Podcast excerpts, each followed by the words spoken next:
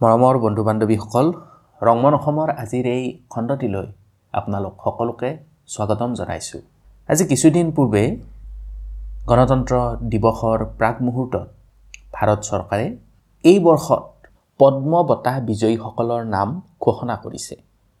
আপোনালোকে জানে নিশ্চয় যে ভাৰতৰ সৰ্বোচ্চ অসামৰিক সন্মানৰ ভিতৰত পদ্ম পুৰস্কাৰ অন্যতম। ভাৰতৰ প্ৰথম অসামৰিক সন্মান হ'ল ভাৰত ৰত্ন ইয়াৰ পিছতে আহে পদ্ম বঁটা পদ্ম বঁটাত তিনি প্ৰকাৰৰ বঁটা অন্তৰ্ভুক্ত। প্ৰথমটো হ'ল পদ্ম বিভূষণ তাৰ পিছৰটো হ'ল পদ্মভূষণ আৰু শেষৰটো হ'ল পদ্মশ্ৰী। গতিকে অন্য বেলিৰ দৰে এইবেলিও ভাৰত চৰকাৰে পদ্মশ্ৰী বঁটাৰ বাবে ভাৰতৰ বিভিন্ন প্ৰান্তৰ পৰা লোকসকলক এই বঁটাৰে পুৰস্কৃত কৰিছে আৰু ইয়াৰ ভিতৰত অসমৰ আঠজন অসমীয়াই এই পদ্মশ্ৰী বঁটা লাভ কৰি অসমলৈ সন্মান কঢ়িয়াই আনিবলৈ সক্ষম হৈছে।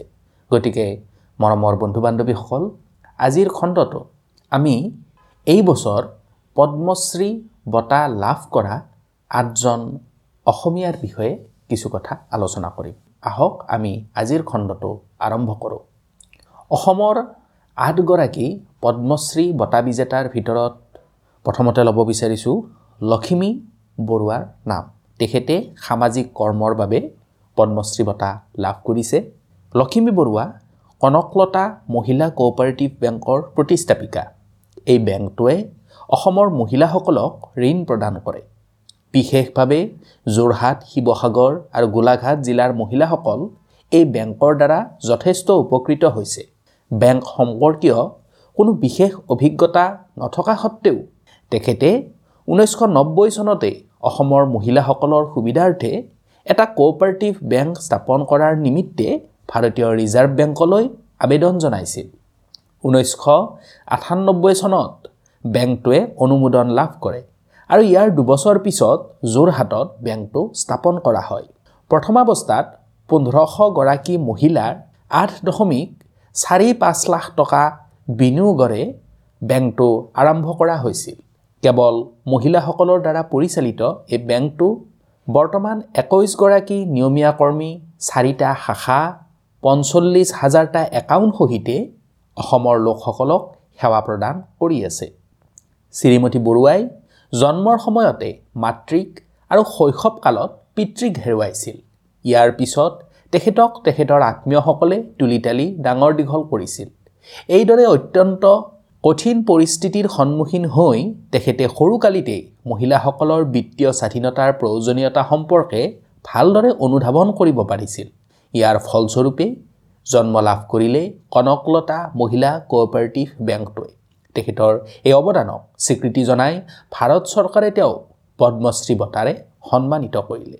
এতিয়া আমি চাওঁ আহক দ্বিতীয়জন পদ্মশ্ৰী বঁটা বিজেতা গোপীৰাণ বৰবায়ন বুঢ়াভকত উৰেটো জীৱন সত্ৰৰ পৰম্পৰাত থাকি সত্ৰীয়া সংস্কৃতিৰ প্ৰচাৰ আৰু প্ৰসাৰত জীৱন উচৰ্গা কৰি গোপীৰাম বৰগায়ন বুঢ়াভকতে লাভ কৰিলে ভাৰত চৰকাৰৰ পদ্মশ্ৰী সন্মান। মাজুলীৰ উত্তৰ কমলাবাৰী সত্ৰৰ সাতান্নব্বৈ বছৰীয়া বৈষ্ণৱ শিল্পী গোপীৰাম বৰবায়ন বুঢ়াভকতক গণৰাজ্য দিৱসৰ প্ৰাক মুহূৰ্তত ৰাষ্ট্ৰপতিয়ে পদ্মশ্ৰী সন্মান প্ৰদান কৰে। একেধাৰে গায়ন ওজা নাম গোৱা পাঠক অভিনেতা আশীৰ্বদীয়া বৰগীত আদি সমস্ত সত্ৰীয় সংস্কৃতিত পাৰ্গত এই নমস্য শিল্পীজন। এই শিল্পীজনৰ ঘৰ মাজুলীৰ কমলাবাৰী পঞ্চায়তৰ অন্তৰ্গত নামকাটনি গাঁৱত। পিতৃ প্ৰয়াত গেন্ধেলা বৰা আৰু মাতৃ আইকন বৰাৰ মৰমৰ উম এৰি ফুল কোমলীয়া বয়সতে সত্ৰীয়া হোৱা শিল্পীজনাই বুজা হোৱাৰে পৰা সত্ৰীয় সংস্কৃতিৰ প্ৰতিটো বিষয় আয়ত্ব কৰিছিল। তেওঁ ঊনৈছশ পঁচান্নব্বৈ চনত অসম চৰকাৰৰ শিল্পী পেঞ্চন দুহেজাৰ এঘাৰ চনত বিশ্বকবি ৰবীন্দ্ৰনাথ ঠাকুৰৰ নামত সত্ৰীয়া পৰম্পৰা আৰু গীত মাতৰ আধাৰত সংগীত নাটক একাডেমীৰ ৰাষ্ট্ৰীয় বঁটা লাভ কৰাৰ উপৰিও বিভিন্ন সন্মান লাভ কৰিছিল। একেদৰে ৰাজ্যৰ লগতে দেশৰ আৰু বিশ্বৰ বিভিন্ন প্ৰান্ততো সত্ৰীয়া সংস্কৃতি প্ৰদৰ্শন কৰি তেওঁ যথেষ্ট সমাদৰ লাভ কৰিছিল। উত্তৰ কমলাবাৰী সত্ৰত শিল্পীজনে ঊনৈছশ বিৰাশী চনত বৰগায়ন আৰু বৰ ওজাৰ নিৰ্মালী ঊনৈছশ নব্বৈ চনত আশীৰ্বদীয়া আৰু বুঢ়া ভকতৰ নিৰ্মালী গ্ৰহণ কৰিছিল। ইয়াৰ পিছৰগৰাকী পদ্মশ্ৰী বঁটা বিজেতা হ'ল বিজয়া চক্ৰৱৰ্তী। বিজয়া চক্ৰৱৰ্তী হৈছে অসমৰ এগৰাকী ৰাজনীতিক। এখেত ভাৰতীয় জনতা পাৰ্টী দলৰ পৰা লোকসভালৈ নিৰ্বাচিত হৈ সাংসদ হিচাপে কাৰ্যনিৰ্বাহ কৰিছিল। ঊনৈছশ ঊনচল্লিছ চনৰ সাত অক্টোবৰ তাৰিখে যোৰহাটৰ বালিগাঁৱত বিজয়া চক্ৰৱৰ্তীৰ জন্ম হৈছিল। তেওঁ উত্তৰ প্ৰদেশৰ হিন্দু বিশ্ববিদ্যালয়ৰ পৰা ইংৰাজী বিষয়ত স্নাতকোত্তৰ ডিগ্ৰী অৰ্জন কৰিছিল। চক্ৰৱৰ্তী এগৰাকী প্ৰগাঢ় লেখিকাও তেওঁ ভালেমান চুটিগল্প কবিতা ইত্যাদি ৰচনা কৰিছে। তেওঁ এসময়ত সাংবাদিকতাও কৰিছিল। ৰাষ্ট্ৰীয় আন্তঃৰাষ্ট্ৰীয় সামাজিক আৰু ৰাজনৈতিক বিষয়ত তেখেতে ভালেমান প্ৰবন্ধ ৰচনা কৰিছিল। বিজয়া চক্ৰৱৰ্তীয়ে তেওঁৰ ৰাজনৈতিক জীৱন আৰম্ভ কৰিছিল জনতা পাৰ্টীৰ সৈতে। ঊনৈছশ সতত্তৰৰ পৰা অঠসত্তৰ চনত তেওঁ জনতা পাৰ্টীৰ মলদৈ শাখাৰ ৰাজ্যিক সম্পাদিকা হিচাপে কাৰ্যনিৰ্বাহ কৰিছিল। ইয়াৰ পাছতে তেওঁ জাতীয় দল অসম গণ পৰিষদত যোগদান কৰে আৰু ৰাজ্যসভালৈ নিৰ্বাচিত হৈ ঊনৈছশ আঠাশীৰ পৰা বিৰান্নব্বৈ চনলৈ তেওঁ ৰাজ্যসভাৰ সাংসদ হিচাপে কাৰ্যনিৰ্বাহ কৰে। ঊনৈছশ নিৰান্নব্বৈ চনত তেওঁ তেৰ নম্বৰ লোকসভা নিৰ্বাচনত বিজয়ী হৈ জলসম্পদ বিভাগৰ কেন্দ্ৰীয় ৰাজ্যিক মন্ত্ৰী হিচাপে নিযুক্ত হয়। দুহেজাৰ ন চনত তেওঁ পুনৰবাৰ ভাৰতীয় জনতা পাৰ্টীৰ পৰা নিৰ্বাচন খেলি বিজয়ী হৈ লোকসভালৈ নিৰ্বাচিত হয়। ইয়াৰ পিছত দুহেজাৰ চৈধ্য চনতো তেওঁ পুনৰ ভাৰতীয় জনতা পাৰ্টীৰ পৰা নিৰ্বাচন খেলি লোকসভালৈ নিৰ্বাচিত হয়। ইয়াৰ পিছৰগৰাকী পদ্মশ্ৰী বঁটা বিজয়ী অসমীয়া হ'ল মংগল সিং হাজোৱাৰী। এখেত এগৰাকী ভাৰতীয় বড়ো ভাষাৰ কবি। তেখেতে জিউনী মাগধাংগ বিসম্বী আৰু অৰুজ নামৰ কবিতা পুথিখনৰ বাবে দুহেজাৰ পাঁচ চনত সাহিত্য একাডেমী বঁটা লাভ কৰিছিল। হাজোৱাৰীৰ জন্ম হয় ঊনৈছশ চৌৱন্ন চনত বৰ্তমানৰ চিৰাং জিলাৰ বিজনীৰ শিলবাৰী গাঁৱত। তেওঁৰ পিতৃ কৃষিকৰ্মৰ লগত জড়িত আছিল।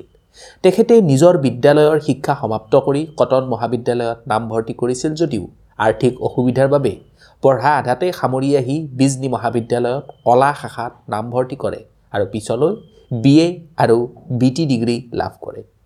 বিজনী মহাবিদ্যালয়ত পঢ়ি থকা সময়ত এখন স্থানীয় বড়ো মাধ্যমৰ প্ৰাথমিক বিদ্যালয়ত শিক্ষক হিচাপে নিযুক্ত হয় আৰু ঊনৈছশ আঠসত্তৰ চনলৈ তাত চাকৰি কৰে। হাজোৱাৰীদেৱে সৰুৰে পৰাই সাহিত্য কৰ্মৰ সৈতে জড়িত হৈ আছিল। সপ্তম শ্ৰেণীত পঢ়ি থাকোঁতে কবিতা আৰু চুটি প্ৰবন্ধ তেখেতে ৰচনা কৰিছিল। তেওঁৰ প্ৰথম কবিতা পুথি আছিল জিউনী খন্থাই মেথেই তেখেতে এতিয়ালৈকে আঠত্ৰিছখন কবিতা আৰু নাটকৰ পুথি আৰু আশীখন বড়ো ভাষাৰ আলোচনী সম্পাদনা কৰিছে। ইয়াৰ পিছৰজন পদ্মশ্ৰী বঁটা বিজয়ী হ'ল দুলাল মনকি। দুলাল মানকি এগৰাকী অসমৰ লোকশিল্পী তথা সংগীতজ্ঞ। তেওঁ অসমৰ চাহ জনগোষ্ঠীৰ পাৰম্পৰিক লোকসংগীতৰ এগৰাকী শিল্পী। ঝুমুৰ গীতৰ বিশেষ পাৰদৰ্শিতাৰ বাবে তেওঁক ঝুমুৰ সম্ৰাট বুলিও কোৱা হয়। ঊনৈছশ চৌষষ্ঠি চনত তিনিচুকীয়া জিলাৰ ডুমডুমাৰ সমীপৰ থয়েদাম চাহ বাগিচাত দুলাল মনকিৰ জন্ম হৈছিল। তেওঁৰ পিতৃ মথুৰ চন্দ্ৰ মানকী আৰু মাতৃ যশোদা মানকী। মথুৰ চন্দ্ৰ মানকী ভাৰতীয় স্বাধীনতা আন্দোলনৰ সেই সময়ত ব্ৰিটিছ ভাৰতৰ সেনাবাহিনীত কৰ্মৰত আছিল। তাৰপিছত তেখেতে সেই চাকৰি এৰি চাহ বাগিচাৰ চাকৰিত যোগদান কৰে। দুলাল মানকীয়ে থয়েদাম চাহ বাগিচাৰ প্ৰাথমিক বিদ্যালয়ত প্ৰাথমিক শিক্ষা গ্ৰহণ কৰিছিল। তাৰপিছত তেওঁ বৰসাবজান হাইস্কুলত শিক্ষা গ্ৰহণ কৰে। হাইস্কুলীয়া শিক্ষা শেষ হোৱাৰ পিছত তেওঁ ডিব্ৰুগড় বিশ্ববিদ্যালয়ৰ অন্তৰ্গত ডুমডুমা মহাবিদ্যালয়ত নামভৰ্তি কৰে। আশীৰ দশকত অসম আন্দোলনৰ সময়ৰ অশান্ত পৰিস্থিতিৰ বাবে তেওঁ শিক্ষা আধাতে সামৰে। দুলাল মানকীৰ এক সাংগীতিক পৰিয়ালত জন্মগ্ৰহণ কৰিছিল। তেওঁৰ পিতৃ এগৰাকী লোকসংগীত শিল্পী আছিল আৰু চাহ জনগোষ্ঠীৰ পৰম্পৰাগত গীতৰ পাৰ্গত আছিল। ঊনৈছশ ছিয়াত্তৰ চনত দুলাল মানকীয়ে আকাশবাণী ডিব্ৰুগড় কেন্দ্ৰৰ চাহ বনোৱাৰ আচাৰ অনুষ্ঠানত গীত গাবলৈ নিমন্ত্ৰণ লাভ কৰিছিল। ঊনৈছশ বিৰাশী চনত তেওঁ চাহ জনজাতিৰ লোকগীত নামেৰে চাহ জনগোষ্ঠীৰ লোকগীতৰ সংগ্ৰহৰ প্ৰযোজনা কৰিছিল। ভূপেন উজিৰে পৰিচালনা কৰা এয়া তেওঁৰ প্ৰথম বাণীবন্ধন আছিল। তাৰপিছত তেওঁ কেইবাটাও গীতত কণ্ঠদান কৰে। দুহেজাৰ তেৰ চনত মুক্তি লাভ কৰা M T V Coke studio' season থ্ৰীৰ ঝুমুৰ কিটকে বান্ধি দেলাই নামৰ জনপ্ৰিয় গীত এটিত তেখেতে অংগৰাগ পাপন মহন্ত আৰু সীমান্ত শেখৰৰ সৈতে পৰিৱেশন কৰিছিল। ইয়াৰ পিছৰগৰাকী পদ্মশ্ৰী বঁটা বিজয়ী হ'ল বিৰুবালা ৰাভা। সমাজ সংস্কাৰৰ উদ্দেশ্যে অন্ধবিশ্বাস আৰু কুসংস্কাৰৰ বিৰুদ্ধে সাৱলীল কণ্ঠৰে এক আদৰ্শৰ প্ৰতিষ্ঠা কৰা এগৰাকী সাহসী মহিলা হৈছে বিৰুবালা ৰাভা। গাঁৱে ভূঞে ডাইনী হত্যাৰ বিৰুদ্ধে সজাগতা সৃষ্টিৰ বাবে বিৰুবালা ৰাভাৰ সংগ্ৰামী যাত্ৰাই আমাৰ সমাজ জীৱনক আলোকিত কৰাৰ পথ প্ৰশস্ত কৰিছে। গোৱালপাৰা জিলাৰ বালিজানৰ ঠাকুৰবিলা নামৰ এখন অতি ভিতৰুৱা গাঁৱৰ পৰা ডাইনী হত্যাৰ বিৰুদ্ধে সবল কণ্ঠনি কৰাই আমাৰ সমাজ জীৱনক দিছে তেখেতে এক নতুন উদ্যম আৰু নতুন প্ৰেৰণা। বীৰবালা ৰাভাৰ সাহস সততা দৃঢ়তা দেখি অসমৰ বিভিন্ন অঞ্চলৰ যুৱক যুৱতী পুৰুষ মহিলাই তেখেতৰ অন্ধবিশ্বাস আৰু কুসংস্কাৰ বিৰোধী যাত্ৰাত সহযোগিতা আগবঢ়াবলৈ আগুৱাই আহিছিল আৰু আনুষ্ঠানিকভাৱে জন্ম দিছিল মিছন বিৰুবালাৰ। মিছন বিৰুবালাৰ উদ্যোগত ডাইনী প্ৰথা তথা যিকোনো অন্ধবিশ্বাস সন্দৰ্ভত বিভিন্ন সভা কৰ্মশালা আদি অনুষ্ঠিত কৰি জনসাধাৰণৰ মাজত সজাগতা বৃদ্ধিৰ প্ৰচেষ্টা হাতত লৈ অহা হৈছে। ইয়াৰ পিছৰগৰাকী পদ্মশ্ৰী বঁটা বিজয়ী হ'ল ইমৰাণ শ্বাহ। ইমৰাণ শ্বাহ অসমৰ এজন কবি ঔপন্যাসিক গল্পকাৰ নাট্যকাৰ আৰু অনুবাদক। ঈশান দত্ত অনামিকা বৰুৱা কুম্ভকৰ্ণ অনিমেষ বৰুৱা আদি ছদ্মনামেৰে তেখেতে লিখা মেলা কৰিছিল। তেখেতে ঘাইকৈ অসমীয়া ভাষাত সাহিত্য ৰচনা কৰি আহিছে। দুহেজাৰ বাৰ চনৰ নৱেম্বৰ মাহত তেখেতক অসম সাহিত্য সভাৰ সভাপতি হিচাপে নিৰ্বাচিত কৰা হৈছিল। ঊনৈছশ তেত্ৰিছ চনৰ তেইছ নৱেম্বৰত শিৱসাগৰ জিলাত ইমৰাণ শ্বাহৰ জন্ম হৈছিল। পিতৃৰ নাম মহম্মদ শ্বাহ আৰু মাতৃৰ নাম মৰিয়ম নিছা। তেখেতৰ শিক্ষা জীৱনৰ আৰম্ভণি শিৱসাগৰৰ দুই নম্বৰ ঠাই আলি প্ৰাথমিক বিদ্যালয়ত হৈছিল। তেওঁ ঊনৈছশ আঠাৱন্ন চনত শিৱসাগৰ মহাবিদ্যালয়ৰ পৰা স্নাতক পৰীক্ষাত উত্তীৰ্ণ হোৱাৰ পিছত ঊনৈছশ বাষষ্ঠি চনত গুৱাহাটী বিশ্ববিদ্যালয়ৰ পৰা অসমীয়া সাহিত্যত মুখ্য বিষয় হিচাপে লৈ স্নাতকোত্তৰ পৰীক্ষাত উত্তীৰ্ণ হয়।